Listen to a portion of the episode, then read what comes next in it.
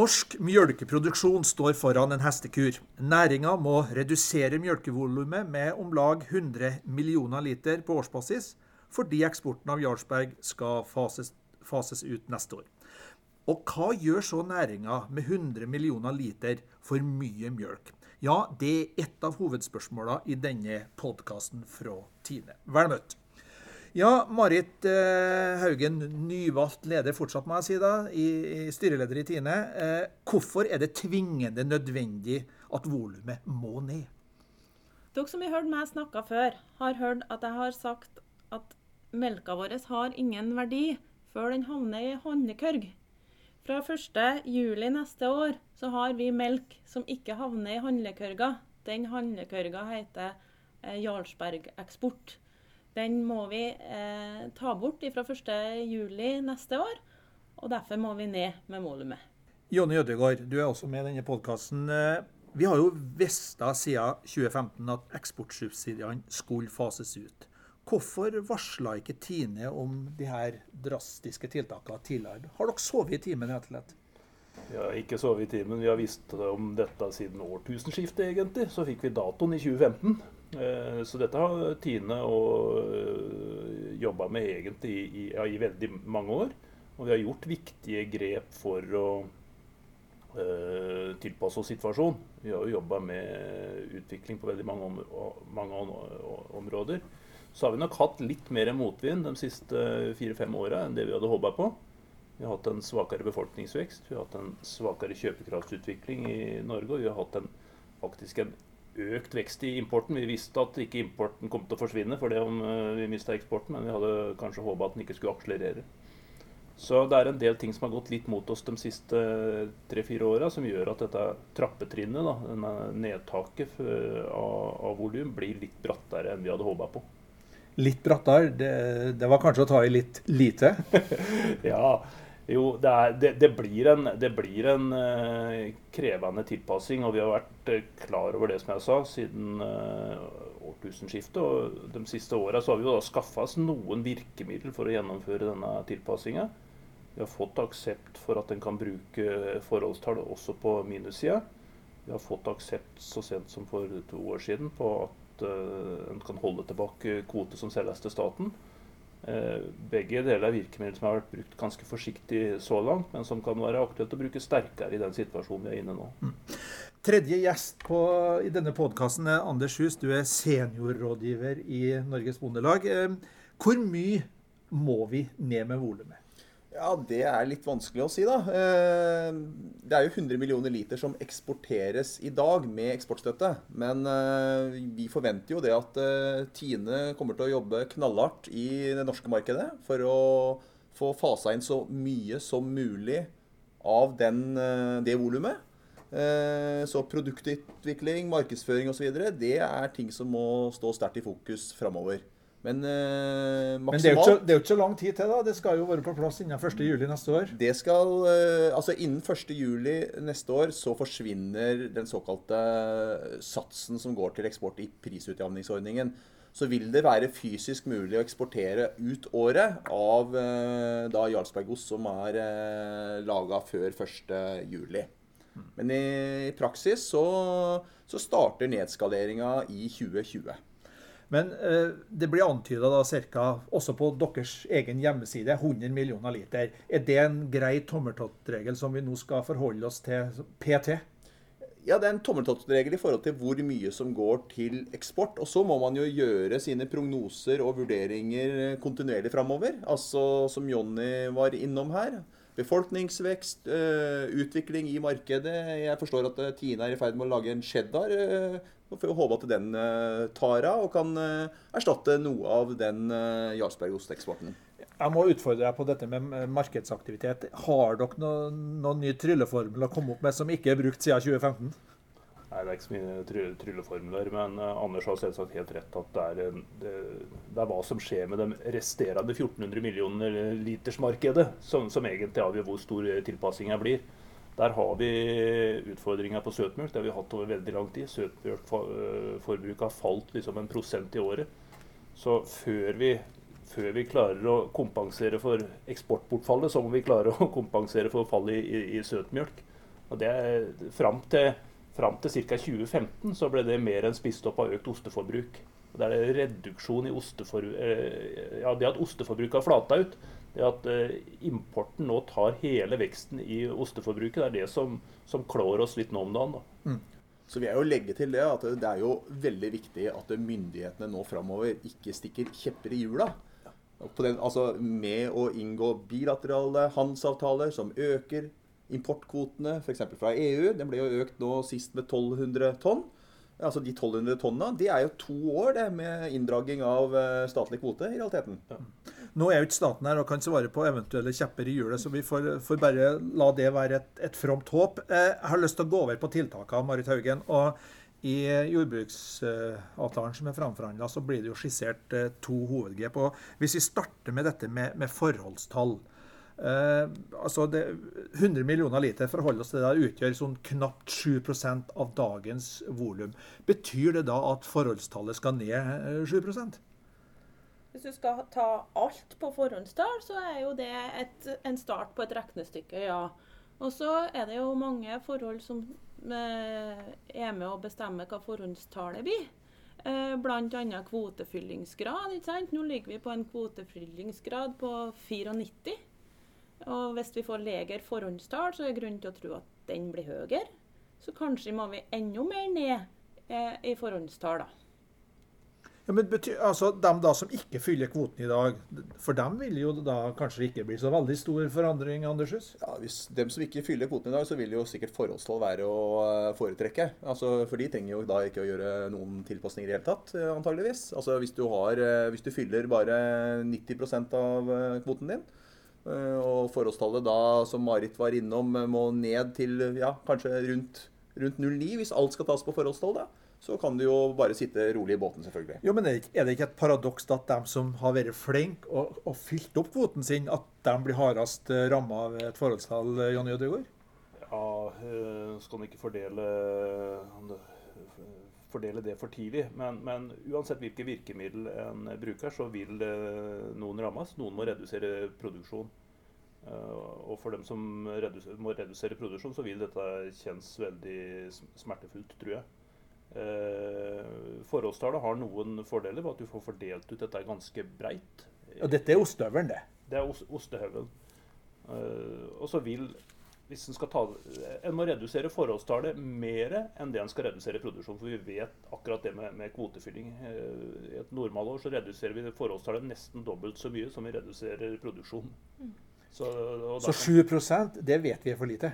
Eh, For, for å ta ned 100 millioner liter, så er det for lite. Mm. Eh, Hvis det er kun forholdstallet som skal brukes. Nå er det jo viktig å få med seg da, at denne reduksjonen vil skje over to år. Vi, vi ser for oss å ta en reduksjon i 2020, ca. halve volumet, og en videre reduksjon i 2021. For det er jo først i 2021 at vi får full virkning. Da får vi full virkning. Mm. Jeg vil jo bare understreke det da, at det, i utgangspunktet så er jo forholdstallet er jo et glimrende virkemiddel for å ta temporære svingninger. Altså temporære svingninger betyr Ja, Det betyr jo f.eks. hvis du ser at uh, neste år så ser det ut som at vi har uh, litt for store ostelagre, så da kan vi, bør vi kanskje ta ned produksjonen med 1 eller 2% Men året etter der igjen så ser det ut som vi kan uh, trenge litt mer melk, f.eks. Da er det veldig greit å bruke forholdstall. Men når en skal bruke forholdstall i en situasjon hvor man da ikke i overskuelig framtid ser at man vil komme opp igjen omtrent på det nivået man er i dag, da er det jo sånn at eh, får, da får mange melkebønder en stor ulempe ved at de ikke får utnytta den produksjonskapasiteten som ligger i fjøset. Ikke bare i ett år, men i to, i tre, i fire, altså i overskuelig framtid. Og da taper bonden årlig veldig mye penger på det. Hvorfor Det blir- hvorfor det? Jo, den får selvfølgelig lavere dekningsbidrag. Den får mindre tilskudd. Eller at bonden er nødt til å gjøre noen tilpasninger som fører med seg kostnader knytta til den tilpasningen man gjør. Og det, det er jo det når Jonny sier dette smerter. Så ja, forholdstall, det smerter. Ja, det gjør det. Og det som du sier, Anders, det, er, det smerter over lang tid. Og det er derfor at vi har snakka om at her må vi lete flere mulige løsninger. Eh, For dette er en ekstraordinær situasjon som vi er i.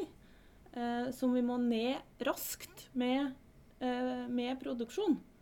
Og da er det jo, for å adressere det, da det andre tiltaket som, som staten og Bondelaget og Småbrukarlaget ble enige om i protokollen sin fra jordbruksforhandlingene, det å kjøpe opp eh, kvote.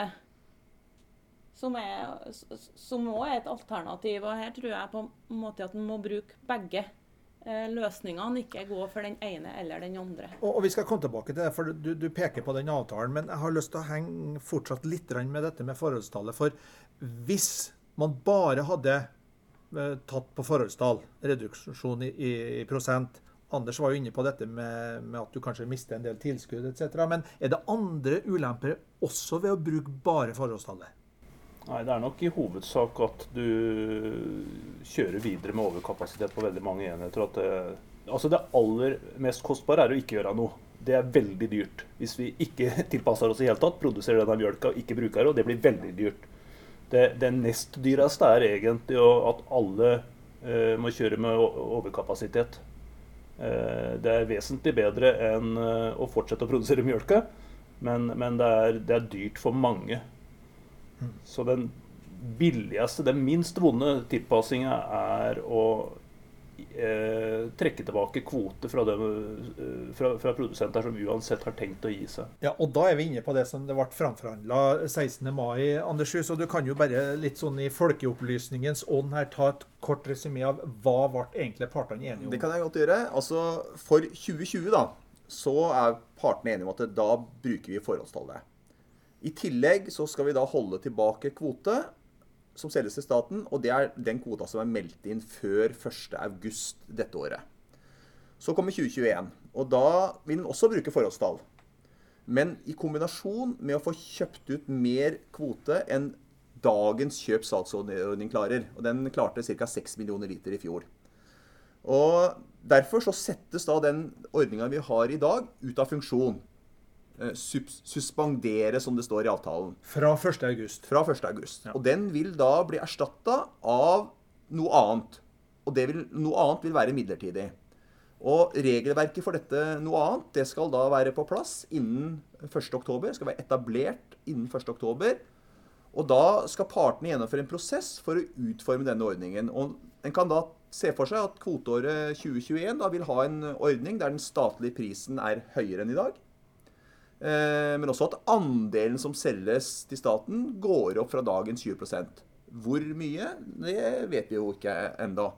Også I tillegg så skal da eh, grunnkvotas relative andel i kvoteregionene opprettholdes om lag på dagens eh, nivå.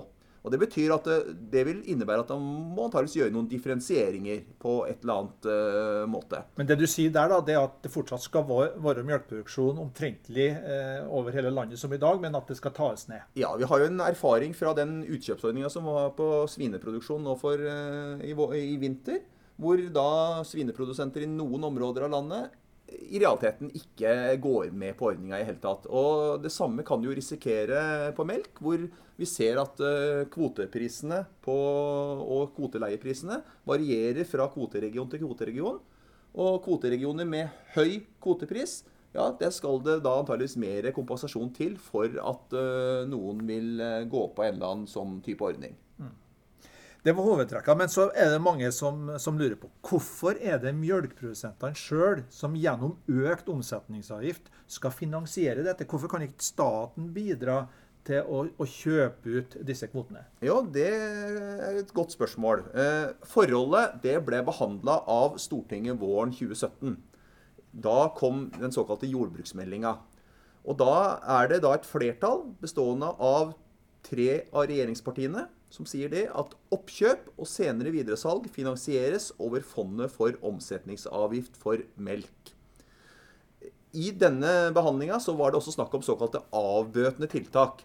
Det ble også diskutert. Og regjeringa ble da bedt om å legge fram forslag til avbøtende tiltak i forbindelse med statsbudsjettet 2018. Og det gjorde de. Og det ble da satt av 75 millioner kroner i et engangstiltak investeringsstøtte til omlegging fra melk til produksjoner med såkalt markedspotensial. Og Det er de uh, føringene her som vi har vært nødt til å forholde oss til i årets jordbruksoppgjør. Mm. Jo, men et politisk vedtak det varer jo bare til det kommer et nytt politisk vedtak. Det gjør det, men et politisk flertall varer så lenge det er et politisk flertall. Og det politiske flertallet som fatta dette vedtaket, det er faktisk tilfeldigvis det samme eh, som har flertall i dag. Jeg har lyst til å understreke at jeg syns, faglaget har gjort en veldig god jobb under årets eh, forhandlinger med å ta fatt i det som for melkeprodusentene er det aller viktigste spørsmålet, nemlig volumtilpassing. Så har vi også registrert det politiske flertallet som ligger rundt uh, kompenserende tiltak. Men det jeg har lyst til at en jobber med å utforske, det er hvilke andre muligheter som finnes. Altså hvilke muligheter har en til å stimulere riktig retning med skattevirkemiddel? Hvilke muligheter har en til å bruke tilskuddssystemet i kombinasjon med det bonden betaler omsetningsavgift? Så Eh, vi skal i hvert fall ikke legge lokk på muligheten til å få eh, en motivasjon for å delta i ordningene da, gjennom et, et, mer sammensatt sett av virkemidler. Ellers er jeg jo veldig enig for så vidt i den litt kritiske spørsmålsstillinga di. fordi at det, det, er jo, sånn at denne overproduksjonen som vi nå vil kunne komme opp i, hvis man ikke gjør noen ting, det er jo ikke en overproduksjon som melkeprodusentene selv forårsaker. Det heter seg jo det at jordbruket har ansvaret for overproduksjon. Når man har ansvaret for overproduksjon, så må man også ta kostnadene ved overproduksjon. Og Derfor så bruker vi denne omsetningsavgifta. Men i dette tilfellet så er det jo faktisk noen politikere som har beslutta dette her. Så det er jo, det jo den sammenheng at, at, man eh, kanskje stusser litt på at her er det omsetningsavgift. Men det er som sagt, har, altså Stortinget har vært gjennom en prosess rundt dette her. her, her og det, Så langt så har ikke vi da noen andre muligheter enn å bare forholde oss til at det er faktisk situasjonen. Jeg skjønner det, men nå kom det jo et innspill her i forhold til andre avbøtende tiltak. da, F.eks. dette med, med skatt, skatt, og skattepolitikk. Er det noe som kan komme inn i den fasen vi nå går inn i fram til 1.10? Det tror jeg ikke er noe som vil komme inn i fram til 1.10. Det er jo eventuelt ting som man må se på i forbindelse med noen statsbudsjetter framover i tid. Det er jo ett i 2020 og et nytt et i 2021 osv. Men eh, skatt vil nok ikke være et tema i de prosessene som skal være nå. Men så lurer man også på hvorfor ble ikke dette avklart eh, tidlig i forhandlingene? Hvorfor må man kjøpe seg flere måneders behandlingstid? Hvorfor ble ikke dette også banka ja, sammen egentlig, med selve avtalen? Egentlig ganske enkelt svar på det spørsmålet. Det er rett og slett fordi at vi mener at det er rett og slett fornuftig å bruke mer tid på et så vanskelig spørsmål. Altså å sitte Eh, nå tre-fire dager maikvelder, eh, sånn som vi gjorde nå, nå, her, i tillegg til alt andre rundt jordbruksavtalen, så mener vi det nesten er uforsvarlig å dra på plass eh, noe sånt nå. Så, og så spiller jo Tine en viktig rolle her. Sånn at uh, man ønsker jo uh, å få Tines uh, råd og få Tines vurderinger Eh, vi har et meieri i Irland som skal opp og gå. Eh, det kan være nyttig for partene å se mer hvordan situasjonen vil være der. Og vi antar at man har mer kunnskap om dette området når vi da eh, kommer på andre sida av sommeren. Og der peker flasketuten på Marit Haugen. Hvordan vil dere bruke dere tide nå, tida fram til 1.10, da det her skal bankes, på å prøve å gjøre skadevirkningene så små som mulig for den enkelte produsent, og for Tine som selskap? Jeg vil understreke at vi har hatt god dialog med både Bondelaget og Småbrukarlaget i hele vinter og under hele prosessen eh, på dette. Og det, den gode dialogen den tror jeg kommer til å fortsette. Det, ingen, det, er ingen tvil om det. Men hva vil den handle om, da? Eh, den vil handle om å eh, bringe til torgs kunnskap og informasjon, og sikkert også noen regnestykker og en synliggjøring av hvilke effekter de ulike tiltakene eh, vil ha i forhold til utforming av eh, et regelverk. Så Det er jo den biten som skal gå på eh, som skal gå på selve regelverksutforminga. Så spør du også om, du også om Irland og innfasinga av produksjonen der. Det vil jo i så fall bare være snakk om tidsforskyvinga. Og som det ble sagt tidligere her i podkasten, så fra første fra 1.7 neste år så kan vi ikke bruke melk til eksport lenger. Så da, vi, da må vi enten ha produsert den på forhånd, eller eh, Irland må være opp og gå. Så her er det. Det er ikke det som, det er, ikke det som er den store utfordringa. Utfordringa er å, å lage det, det, regelverket på en best mulig måte. Ja, jeg tror ikke vi skal undervurdere kompleksiteten. For vi har, som uh, Marit sier, brukt ganske mange dager både alene og sammen med faglagene gjennom vinteren på å spekulere i dette her. sånn, Og vi vet at for, hver, hvert, for hvert tiltak du setter inn, så, så dukker det opp mange spørsmål og mange særtilfeller. Og det er, det er, en stor fordel at en tar seg den tida som er nødvendig, også med offentlige myndigheter, til å gå gjennom dette skikkelig. Altså. Klarer heller ikke å si at det er noen katastrofe for melkeprodusenter om ikke det er en ordning oppe og gå i to måneder mellom 1.8 og 1.10. Eh, altså, det er veldig få avtaler som man inngår i den perioden. Eh, husk på, man har jo helt fram til 1 august 2020 til å inngå eventuelt eh, kjøps-salgsavtaler eh, for kvoteåret 2021. Mm. Så, så, jeg tror uh, man har god nok tid til å kunne gjøre sine avklaringer. Jo da, Anders, når det er sagt, så har du, du har rett i det. Samtidig så er det en forventning der ute om at vi klarer å finne løsninger. Det er det. Eh, og at man ønsker seg en eh, litt større grad av forutsigbarhet enn det dette her mm. har det gitt. Jeg, det kan jeg forstå. Jeg har lyst til å gå tilbake litt til den, framforhandla avtalen. For der står det jo også helt eksplisitt at ordninga for leie av kvoter den blir ikke eh, rørt eller blir blir ikke endra på i denne sammenhengen. Hva, hva, hva, tenker Tine om at den ligger urørt, uh, Jonny Odegaard? Nei, Vi konstaterer bare at den ikke blir tatt opp i denne sammenhengen. Men uh, fra, fra, vårt ståsted så er det et helt klart behov også for å se på ordningen med leie. For det vi ser er at en stadig større del av mjølkekvota eies av uh, folk som verken driver mjølkeproduksjon eller driver landbruk lenger.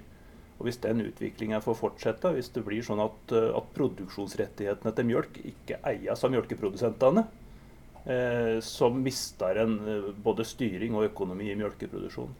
Den utviklinga går ganske fort, den går den gærne veien. Så på et eller annet tidspunkt så må en få satt inn arbeid, med å få gjerda inn utleieregelverket.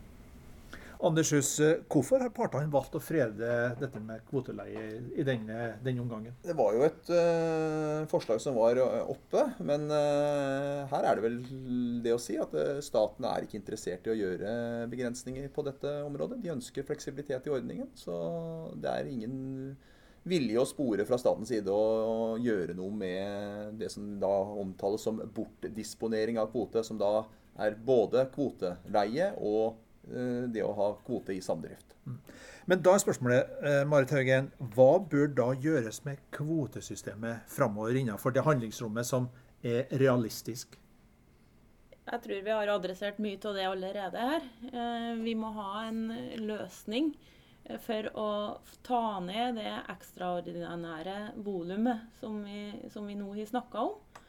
Det må vi finne løsninger på. Det er adressert en tidsfrist på det til 1.10. Det tror jeg det handler om at vi både må bruke forhåndstale og bruke oppkjøp. Og det er på en måte det som, det er, det som er eh, det primære nå. Eh, og er jeg helt enig med Jonny til det han sier i forhold til behovet for å gjelde inn eh, eh, leieproblematikken. Det, det er det bør være en egeninteresse i at den som produserer, eh, eier eh, ressursen mm. det skal produseres men, på. Men, det er jo én ting. Men hva med den statlige andelen som nå ligger på 20% Det vil også være et tema nå i tida framover. Bør den eh, statlige andelen opp, og i tilfelle hvor mye?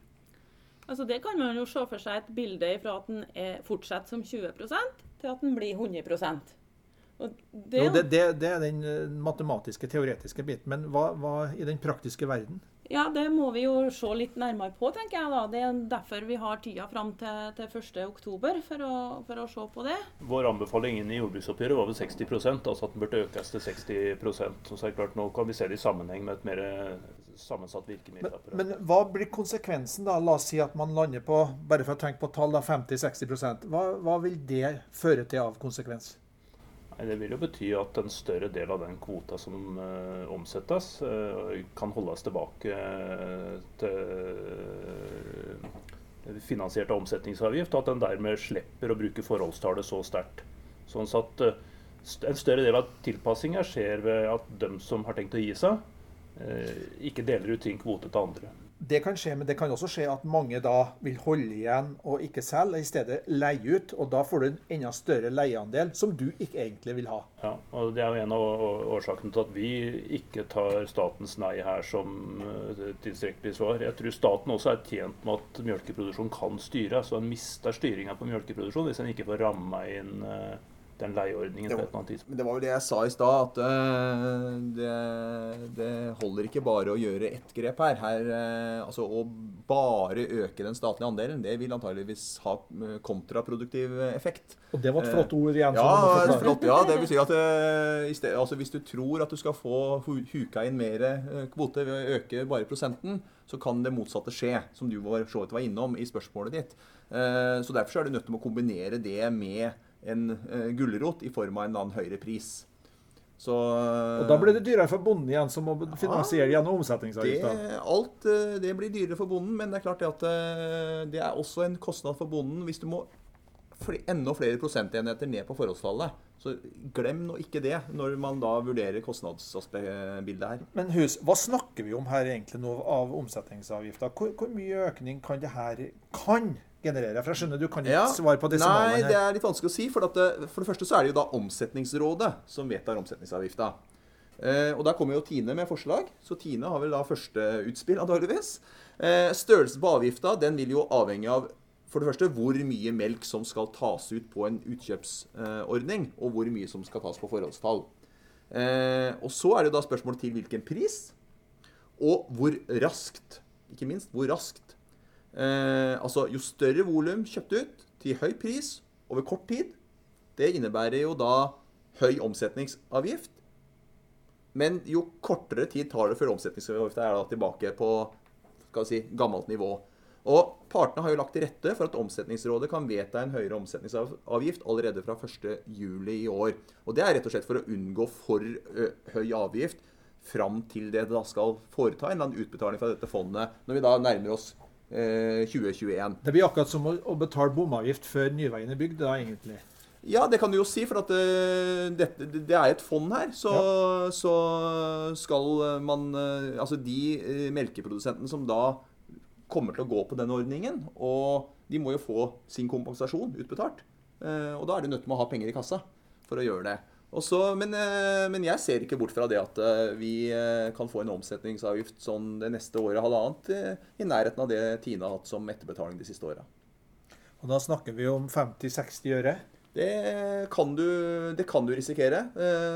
Dette kommer jo som sagt helt an på Nå tror jeg, mange, nå tror jeg mange som hører denne podkasten, skvetter i stolen. Anders. Ja, det gjør de nok.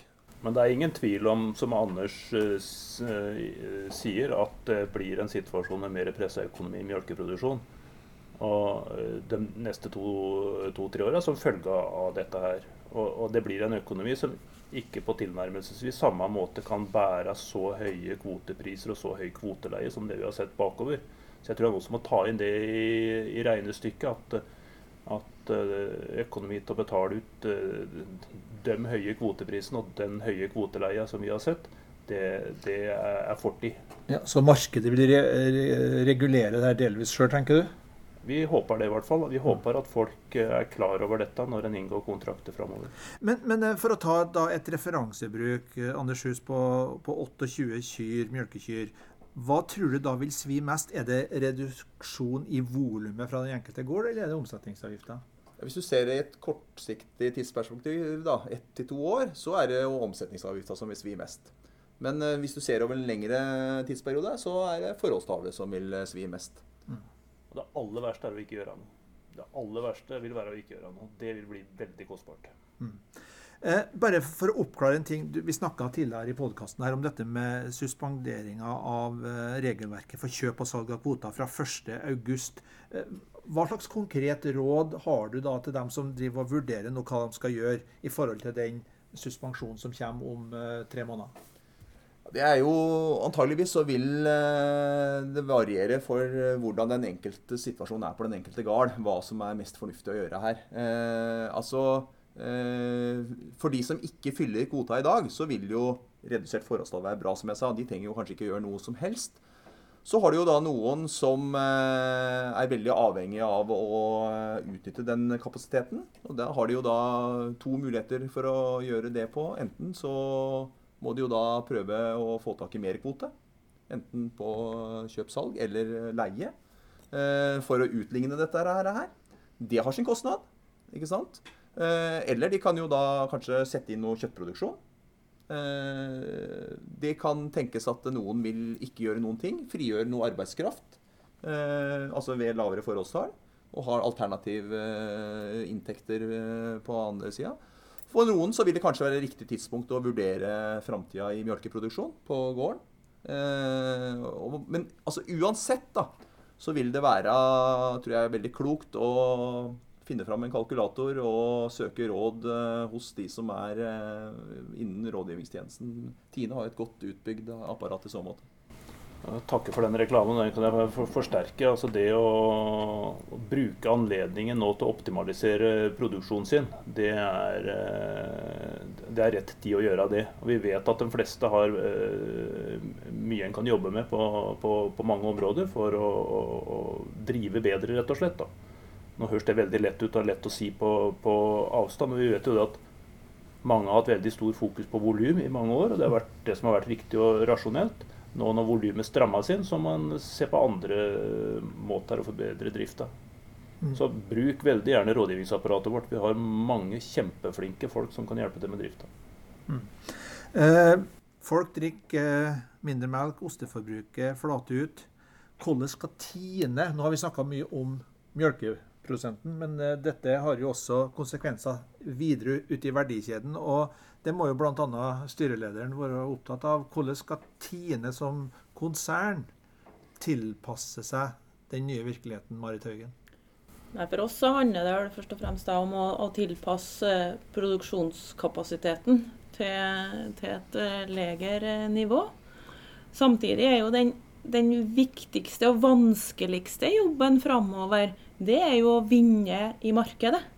Altså vinne mark markedet i Norge og selge melk og ost og meieriproduktene våre nasjonalt her framover. Det er jo hovedoppgaven til, til Tine, og vil, vil være den vanskeligste oppgaven framover. Det var kanskje en grei avslutning på en, en podkast med et eh, forholdsvis dystert bakteppe. Men eh, helt til slutt, da, Jonny Ødegaard. Finnes det håp for norsk melkeproduksjon etter dette? Absolutt. Eh, Vi gjør dette, og vi gjør det på den måten vi, vi gjør det, holdt jeg på å si. Eh, Nettopp for at vi har tro på framtida. Dette er en, et eh, trappetrinn ned eh, volummessig. Men vi, vi mener jo absolutt at vi både skal holde og kunne vokse igjen etter at vi har tatt denne tilpassinga. Så det er håp for norsk melkeproduksjon. Jeg, stor, jeg har stor tro på norsk melkeproduksjon.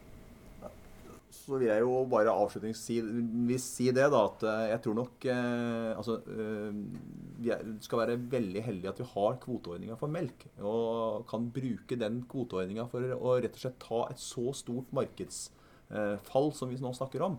Eh, Jeg er helt sikker på at eh, mange andre husdyrproduksjoner misunner melkeprodusenten kvoteordninga i en sånn situasjon. Så det, ta, ta, ta med dere i hvert fall det i det, de litt vanskelige tidene som man nå går inn i. Og hvis dere nå som lytter på dette, hadde hatt eh, mulighet til å sett forsamlinga rundt bordet her, så hadde det vært nikka samstemt rundt bordet. Takk skal dere ha, alle tre som deltok i denne podkasten. Jonny Ødegaard, direktør Tine rådgivning og medlemsservice. Marit Haugen, styreleder i Tine. Og Anders Hus, seniorrådgiver i Norges Bondelag.